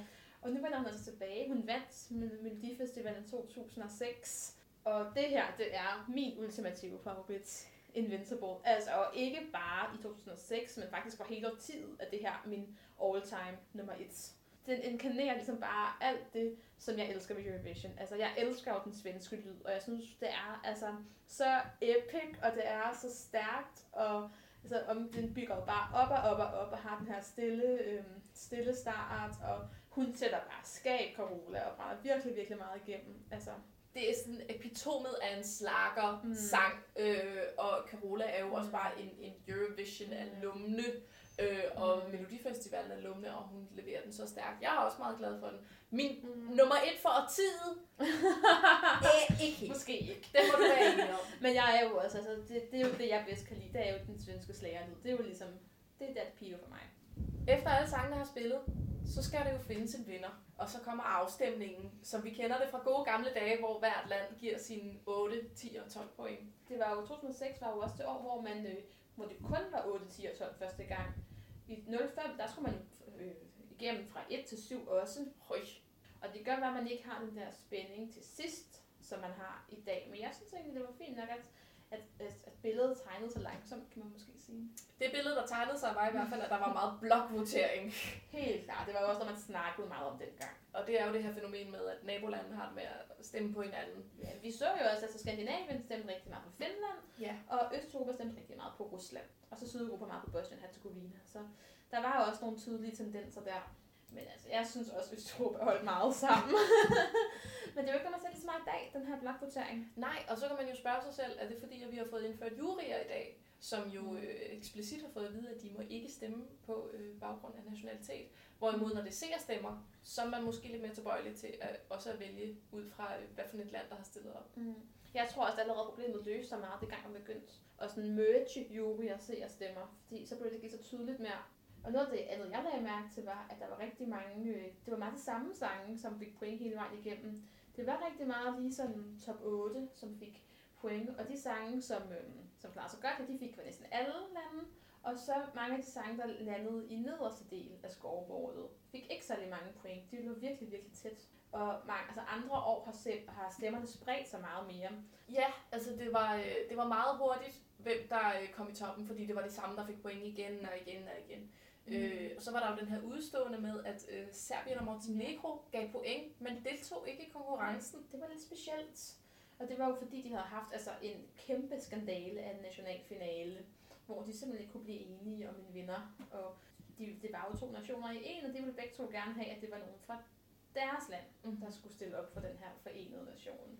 Men det, der er ret øh, vildt, er, at pointoplæseren for Serbien og Montenegro rent faktisk siger, We don't have a song for you this year, but next year we will give you the best one. Og det er jo meget sjovt, siden Ja. Serbien vinder Eurovision Ja. Song Contest 2007 Ja, med uh, Molitva.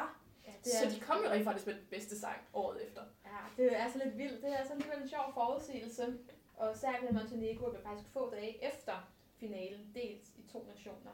En anden ting, der var meget sjov, synes jeg bare, da jeg så afstemningen, at øh, Lorde de begynder sådan efter ikke specielt lang tid at føre, og begynder også at trække fra på et tidspunkt. Og de siger jo så, de her kommentatorer, ja, yeah, på en eller anden måde det er jo svært at tage seriøst. Ja, Og det synes jeg bare, jeg er så meget 2006 på kornet. ja hvis, Altså, man skulle, hvis man skulle opsummere 2006, så ville det nok være, det er svært at tage seriøst. Det synes jeg ikke. okay, det er i hvert fald, hvor jeg har det. Og sådan, mange har det. Altså, der er vel mange, der vil kalde 2006 det ultimative cirkusår. Nå. Men der var jo en sang, der vandt. Ej, vi kan ikke holde det hemmeligt for jer meget længere. Nej, Øh, kom an. det var Finland med Lordi Hard Rock Hallelujah. Mm. Og det her, det er en meget historisk sejr, fordi det tog Finland 45 år at vinde Eurovision. De havde debut i 1961, bare for at sætte prikken over id. De havde ikke engang modtaget 12 point siden 1977. Det er virkelig vildt. Det er meget tør periode, og så kommer de ind i 2006, altså det er det her land, hvor folk er sådan, de bliver aldrig til noget. Mm. 2006, og så får de en kæmpe sejr. Mm. Øh, og hvordan kan det være, at det er Lordi, der vinder med den her hard rock, øh, monster, metal performance? Altså, vi kommer begge to ind på. Mm. Det er, fordi de står ud i den her etniske danserytme. Men også bare, ja, da jeg sad og så showet, altså man kommer til i hvert fald i finalen, sang nummer 17, det er Lordi, altså så, de går virkelig ind og sætter skab. Altså jeg synes virkelig, at, at det var effektivt, da jeg sad og så det. Altså, de går virkelig ind og brænder igennem, og det er ligesom, det er en tydelig melodi, og det er et tydeligt sceneshow, og det er altså virkelig altså, øh, effektivt. Det er brandvarm energi, der er. Altså, de, de Mm. sælger virkelig sangen, og de har øh, nogle fede effekter med, en masse pyroteknik, men også det med, at hans vinger rejser sig på Ja. et tidspunkt, og det er rollespillere. ja, altså det er en meget samlet pakke, som man Mhm. får, øh, og de står jo så meget ud, at øh, alle de her øh, dansesange, der har prøvet at lave Mhm. det mest ørehængende omkvæd, Mm. de kan lige så godt tage hjem, fordi man glemmer jo ikke Lordi, når man ser recap. Jeg tror, der er rigtig mange ting. De der monsterrocker, de var fede. Dem skal vi huske. Dem kunne vi lide. Med øh, Lordis egne ord til vinderpressekonferencen efter øh, resultatet, at de har fået trofæet og Mm. lavet deres ekstra nummer, så sidder Lordi til pressekonferencen og siger, at det her er en sejr for det åbne sind. Altså det her viser, at Eurovision er mere end bare pop, og at Europa, det europæiske folk, øh, gerne vil have en mere divers stemning. Altså det, at monsterrockere kan vinde en popkonkurrence, viser jo, at vi er meget åbensindede i Europa, og vi bare stemmer på den bedste musik. Og så mener han også, at det her det vil bane vejen for, at der vil være flere diverse genrer i uh, Eurovision, at der ikke vil være, ligesom 2006, rigtig mange popdiva-sange. Det ved jeg nu ikke helt, om, øh, om han fik ret i. Altså, for eksempel sådan et år som i år, der er godt nok også mange piger med popsange. Ja. Og på den måde også lidt gratis at sige, synes jeg. Ja, Altså sådan, alle kan jo sige, at den sejr på diversiteten. de fik jo også en karriere bagefter, Mhm. øh, som øh, en af de, altså jeg vil sige, en af de få Eurovision-vindere, hvor man, de virkelig har genkendeligt navn, ud over øh, altså Eurovision-fan-basen, ikke? At, at, at Mhm. øh, de er faktisk gået mainstream, og man lytter stadig til Lordi. Men jeg kan også huske, sådan, da jeg var barn, der, der, der var der sådan, der hørte folk Lordi. Det var sådan noget, der var nogen, der godt kunne lide. Kan du huske, da de vandt sådan reaktionerne? Øh, jeg kan huske, at min mor talte om det meget lang tid bagefter med, at det var bare, du ved, et oprør mod det etablerede, og vi stemte på dem, fordi vi var så trætte af det der østeuropæisk dansemusik, og jeg var sådan, okay mor, okay. Altså, jeg kan huske, at jeg var meget chokeret. Jeg, jeg forstod slet ikke, at de kunne vinde, og jeg kunne heller ikke lide den, da jeg var barn. Altså, sådan noget, nogle farlige rocker, altså, det, var, det, det kunne jeg ikke lide. Det faktisk, altså, der skulle gå en del år, før jeg ligesom fik øjnene op for, at det jo faktisk bare er en ret fængende sang, og det jo egentlig også bare er meget en popsang med lidt guitar og en monsterstemme. øh, men for ligesom at opsummere året, så vil vi gerne prøve at lave øh, hver vores top 3, og så udnævne den værste. Ja, som Yes. bonus. Øhm, og det er meget sjovt med det her år, fordi på den måde er det bare så historisk et år for mig, som jeg ligesom har virkelig bare vokset ind i Eurovision med. Og jeg har ligesom sådan en gammel top 3, som jeg bare aldrig rigtig har kunnet ændre i. Så jeg har lavet, øh, I får simpelthen min originale top 3, og så to bonusfavoritter. Vi har øh, førstepladsen, det har I måske gættet, det er Sverige. Ja. Endnu en gang. Ja. Og så på anden plads, der har jeg faktisk Moldova Ja. og Lokka.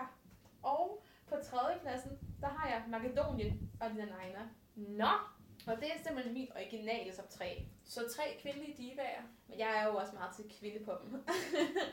og så har jeg valgt to, øh, to bonussange, fordi altså, hvis jeg skulle lave det i dag, hvad ville jeg så tage med?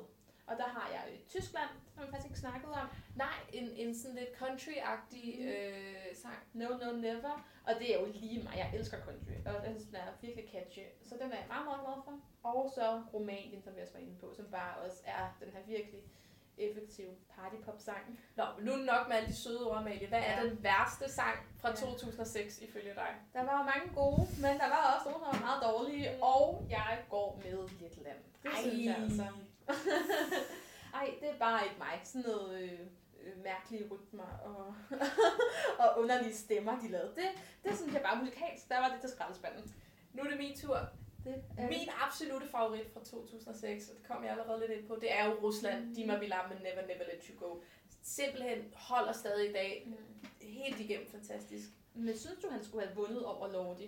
Nej, jeg synes, at Lordi taler ind i en tidsånd. Ja. Men det er jo også det, de var så ikoniske. Det var så ikonisk, ikke? Men, men virkelig fantastisk sang. Jeg synes hellere, at han skulle have vundet med Never Never Let You Go i 2008. Måske, hvis man kunne have sådan en Ja. drømmescenarie. Jeg har bildet rundt. Min anden plads går til Island. Øh, Sylvia Knight, simpelthen fordi det er jo et fantastisk stykke performance art, at hun kommer op med den her satire-karakter og kan rykke så meget til, til Grækenland og publikum. Og også bare en god sang. Den kunne Mhm. jeg godt øh, tænke mig at høre lidt mere. er. Og øh, min tredje plads går til en sang, vi ikke helt har diskuteret. Ukraine. Øh, Tina Karol med Show Me Your Love, og det er Mhm. simpelthen fordi, at hun øh, stiller op med det her dansehit og, og kan virkelig levere den vokalt. Jeg synes, at det er en af de bedre øh, østeuropæiske dansediva-sange. Ja, for hun, er jo, hun, går, hun øh, lægger sig jo også i den samme linje som de andre. Men altså, som jeg jo godt kan lide, hun klar, kommer også i toppen med en flot syvende plads. Men hvis jeg skulle sige min aller værste, så er det nok Portugal, som også vinder øh, Barbara Dex-prisen. Hvis man ikke kender den, så er det prisen for værst klædte. øh, som stiller op med nogle mærkelige, farvede, firede kostymer, og så synger de sådan en sang, øh, Gonna make you dance, gonna god. make you smile, og jeg er bare, nej, nej, nej, det er alt for latteglad, alt for øh, reklamemusik. Jeg kan slet ikke holde det ud. Du var fire dansepiger. Mm. Ej, det kunne du nok godt lide dengang. det var det. Det var hele 2006. 2006, ja. Ja, et, et markant år i hvert fald. Ja, i hvert fald et, et opbrudsår og et vendepunkt, mm. og øh, Mm. meget interessant. Altså, jeg er meget glad for, at vi Mm, valgte det- 2006. Det er jo ligesom her, at seernes magt piker. Altså, fordi allerede i 2007, der eksperimenterer man jo med juryer første gang, og får allerede resultatsmæssigt et lidt andet billede, end det, som seerne jo stadig vælger det år. Og ligesom en, ja, den her opbrudstid, hvor Eurovision skal finde sine ben fra den gamle konkurrence, og så til den nye moderne konkurrence.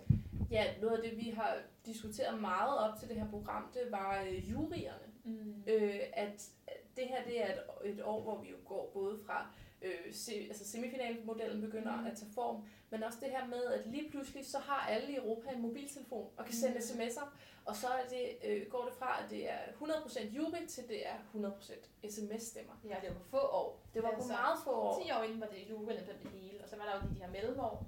Og, så gør, og det gør jo, at vi har den her øh, performance-type i 2006, hvor det bare handler om at, at få så meget opmærksomhed som overhovedet muligt. Mm. Øh, og så er spørgsmålet jo, skal vi tilbage til det? Altså tilbage og tilbage, det er jo så, så meget sagt. Altså, det er jo også efterhånden mange år siden. Jeg synes måske også nogle gange, at, at juryen kan fylde for meget i dag. Og jeg synes måske ikke, at juryen er uproblematisk. For eksempel så synes jeg, at øh, juryen vægter sangstemmen og vægter den for meget over altså, som hitkvalitet, som jeg jo synes er rigtig, rigtig vigtigt. Og så ved jeg ikke, jeg synes også nogle gange, det skuer lidt på mig, når, når fem tilfældige mennesker rundt omkring i Europa, så altså, hvad er det lige, der gør, at de er mere kvalificerede til, at deres mening skal betyde så meget? Der er også noget over det der med, at, at det er folk derhjemme, der sidder og vælger, hvad for en kan vi bedst lide. Og det, Det er jo her, hvor vi er lidt delte, fordi Mm. jeg er meget stor fan af, at juryerne blev indført. Jeg Mm. ser 2006 som et bevis på, at hvis, der, hvis det er Luther øh, folkestemmer, så er det, det den mest gribende, den mest øh, opmærksomhedssøgende, der vinder. Og hvor jeg synes, at juryerne sikrer en musisk kvalitet, og som jo også gør, at sangene, der kommer i tierne nu, det ville jo være en joke, hvis der var en, en sang fra 2006 med nu, fordi at niveauet, af dem. ja, niveauet er helt anderledes. Der er, en, der er et helt andet fokus, der er en, øh, der er en appel til juryerne, der ligesom sikrer en vis musisk kvalitet. Men, men jeg synes, at der måske er kommet flere sange til, der er lidt kedelige i dag. Ja, der er mange, hvor jeg tænker, uff, den, den var der ikke så meget i. Det er lidt en skipper. Der er ikke så godt et omkvæd der. Jeg tror, man kalder det, det, det er en jury-sang. Det er en, det er en juryfavorit, når det er sådan en stille øh, ballade. Men det er jo ikke altid juryen, der til dem heller. Og jeg synes måske nogle gange, at juryerne faktisk straffer de sange, som jeg synes har så meget Eurovision ånd i sig. For eksempel Danmark i 2018 og Norge i 2019, som jo fik sindssygt mange seerstemmer begge Ja. to. Og som juryen ja, nærmest, de sendte jo ikke engang i finalen, af dem. Det var jo, de kom jo kun i finalen på, at de vandt afstemningen i begge semifinaler. Og det synes jeg også er ærgerligt, at hvis det bare skal blive sådan nogle damer, der skal stå med en stor stemme, og så alt det fede, det catchy omkvæd, og den skøre koreografi, at det ligesom bliver straffet. Så mister vi jo lige præcis det kitsch, vi havde her i, i 2006, Ja. som havde kronede dage, og som jo også kendetegner Eurovision på mange måder, om man så kan lide det eller ej. Mm, altså, det er jo skørt. Det er sådan, det skal være. Og altså, jeg tror også bare, jeg elsker det der med, at det er for meget. Og det vil jeg også elske med 2006. Og hvis man ligesom slår det der for meget ned, så, så mister det jo også meget. Men en ting, der i hvert fald er, er anderledes i dag, det er, at det er blevet mere alvorligt. Eurovision i dag er blevet noget mere alvorligt og tager nogen, altså noget flere øh, sådan alvorlige emner op. Ja, det var noget det, vi talte lidt tidligere om, at, at, at de her sange, de handler i 2006, de handler jo enten om kærlighed, øh, fred eller fest. Det er jo også gode ting i livet. Altså, det er måske også livets bedste ting. Ja, og meget 2006-agtigt, nu hvor vi er kommet op forbi en finanskrise og øh, Flygtningekrise. ja, flygtningekrisen, Coronakrise. al den terror, der var i Europa i 10'erne. Klimakrise. og så videre, så tager vi nogle lidt mere alvorlige, lidt mere tunge, øh, du ved, emner op. Og det er måske også derfor, at, at man ser 2006 som det her meget lette, frie år, som ikke rigtig er interessant. Det er i hvert fald noget andet. Altså, det kommer også, det kommer også an på, hvad man gerne vil have. Hvad man vil, hvilken vare man så at sige gerne vil købe. For hvis man gerne vil købe en, en god, dejlig partypop-sang, så får man jo i den grad noget for pengene i 06. Men altså, hvis man gerne vil have nogle sange, der tager nogle alvorlige emner, og kan være lidt et, et spark til en samfundsdebat, eller sådan, så, så er det nok ikke 06, man skal gå til. Øh, vi ser det jo også i år, der stadig er nogle øh, popdiva øh, dansenumre ved, altså San Marino i år prøver jo meget på det, øh, men den rigtig store, som vi har bragt frem, som nok har 2006'eren med sig, det er jo øh, Fuego, Kyberns Mm. bidrag fra 2018. Men det er i hvert fald også det her med, at det er jo en tradition, det her med den græske sommerpop, som starter meget der omkring år 2000 med Antiques Die For You, og ligesom har, har været der som en rød tråd i løbet af, af årene, og som jo var der i 06, og som jo stadig er der. Du, var, du nævnte Fuego, Mm. altså det var et fantastisk eksempel på, at den lyd, som var ind i 06, også fungerer i dag. Så 2006 er ikke helt død, kan vi i hvert fald godt sige. Ånden af, af fest og sydlandsk, du ved, Mm. kærlighed og fred, Ja. det, den er ikke helt død. Men Inge, skulle vi tilbage til 2006? I min mening, nej. Jeg synes objektivt, at øh, konkurrencen er et bedre sted nu. Men måske er det også fordi, at jeg meget søger bekræftelse fra, åh, det skal være mainstream god musik. Det skal være Mm. musik, vi kan tage seriøst. Det skal være musik, der tager øh, nuværende emner op. Øh, hvorimod jeg kan godt se din appel med, at mm. Mm. 2006 jo tilbyder en unik Eurovision-oplevelse. Den her Mm. frie, festlige, glade tidsånd. Lige præcis. Altså, det er jo bare en dopaminbombe. Altså, en glædesbombe. Og de sange, som hittede dengang, altså... Så det var på den måde repræsenteret i 2006, men også musik, som, som hittede på det her tidspunkt. Og jeg vil nok sige, at der er jo lidt den her fortælling om, at alting er bedre nu. Og, men den er jeg faktisk lidt uenig i. Jeg synes, vi skal selvfølgelig ikke tilbage til 2006, fordi et fortid er fortid. Vi skal simpelthen følge med tiden. Men jeg synes altså, at der var nogle kvaliteter det her år, som jeg ikke bare synes, vi skal sige, hvad var det for noget til. Til gengæld, så synes jeg, at en ting, der er godt, man ikke gør mere, det er, at man ikke trækker lod om startrækkefølgen længere. Ja. Og også det her system med, at, at top 10 fra sidste år er prækvalificeret ja. næste år. Øh, det er jeg også meget glad for, at vi har lagt bag os. Der har jo været store skred i reglerne siden da. For eksempel sådan noget som, at to sådan meget country-inspirerede sange, Danmark og Tyskland, kommer lige efter hinanden. Så det fungerer jo slet ikke. Så på mange punkter er øh, Eurovision blevet bedre. Vi har lært meget af den her opbrudsperiode. Men det er ikke en, vi har forladt. Det er stadig en, vi bærer med os. Nå, så er 2006 vel også blevet vendt og drejet så meget, som vi overhovedet kan. vi har virkelig været nede i petitesserne. Det var et virkelig fedt år at gennemgå. Mhm. Virkelig spændende Ja. år. Vi, vi, vi kan anbefale derhjemme, at I tager ind. Øh, man kan både se semifinalen og finalen på YouTube. Ja, Øh, der er de frit tilgængelige. lige præcis. Men nu skal vi have et lytterønske. Mm. Øh, men det er jo lidt anderledes i de her tider, hvor vi ikke er i studiet, og vi jo ikke kan modtage lytterønsker fra jer live. Og så derfor har vi et lytterønske, som i et ønske til lytterne. Og hvor vi har valgt en sang, som vi mener indkapsler det emne, vi lige har talt om. Og vi har valgt Rrrr, Sakis Ruvas øh, Shake It fra 2004. Sakis Ruvas, han var jo vært i 2006, som vi har nævnt.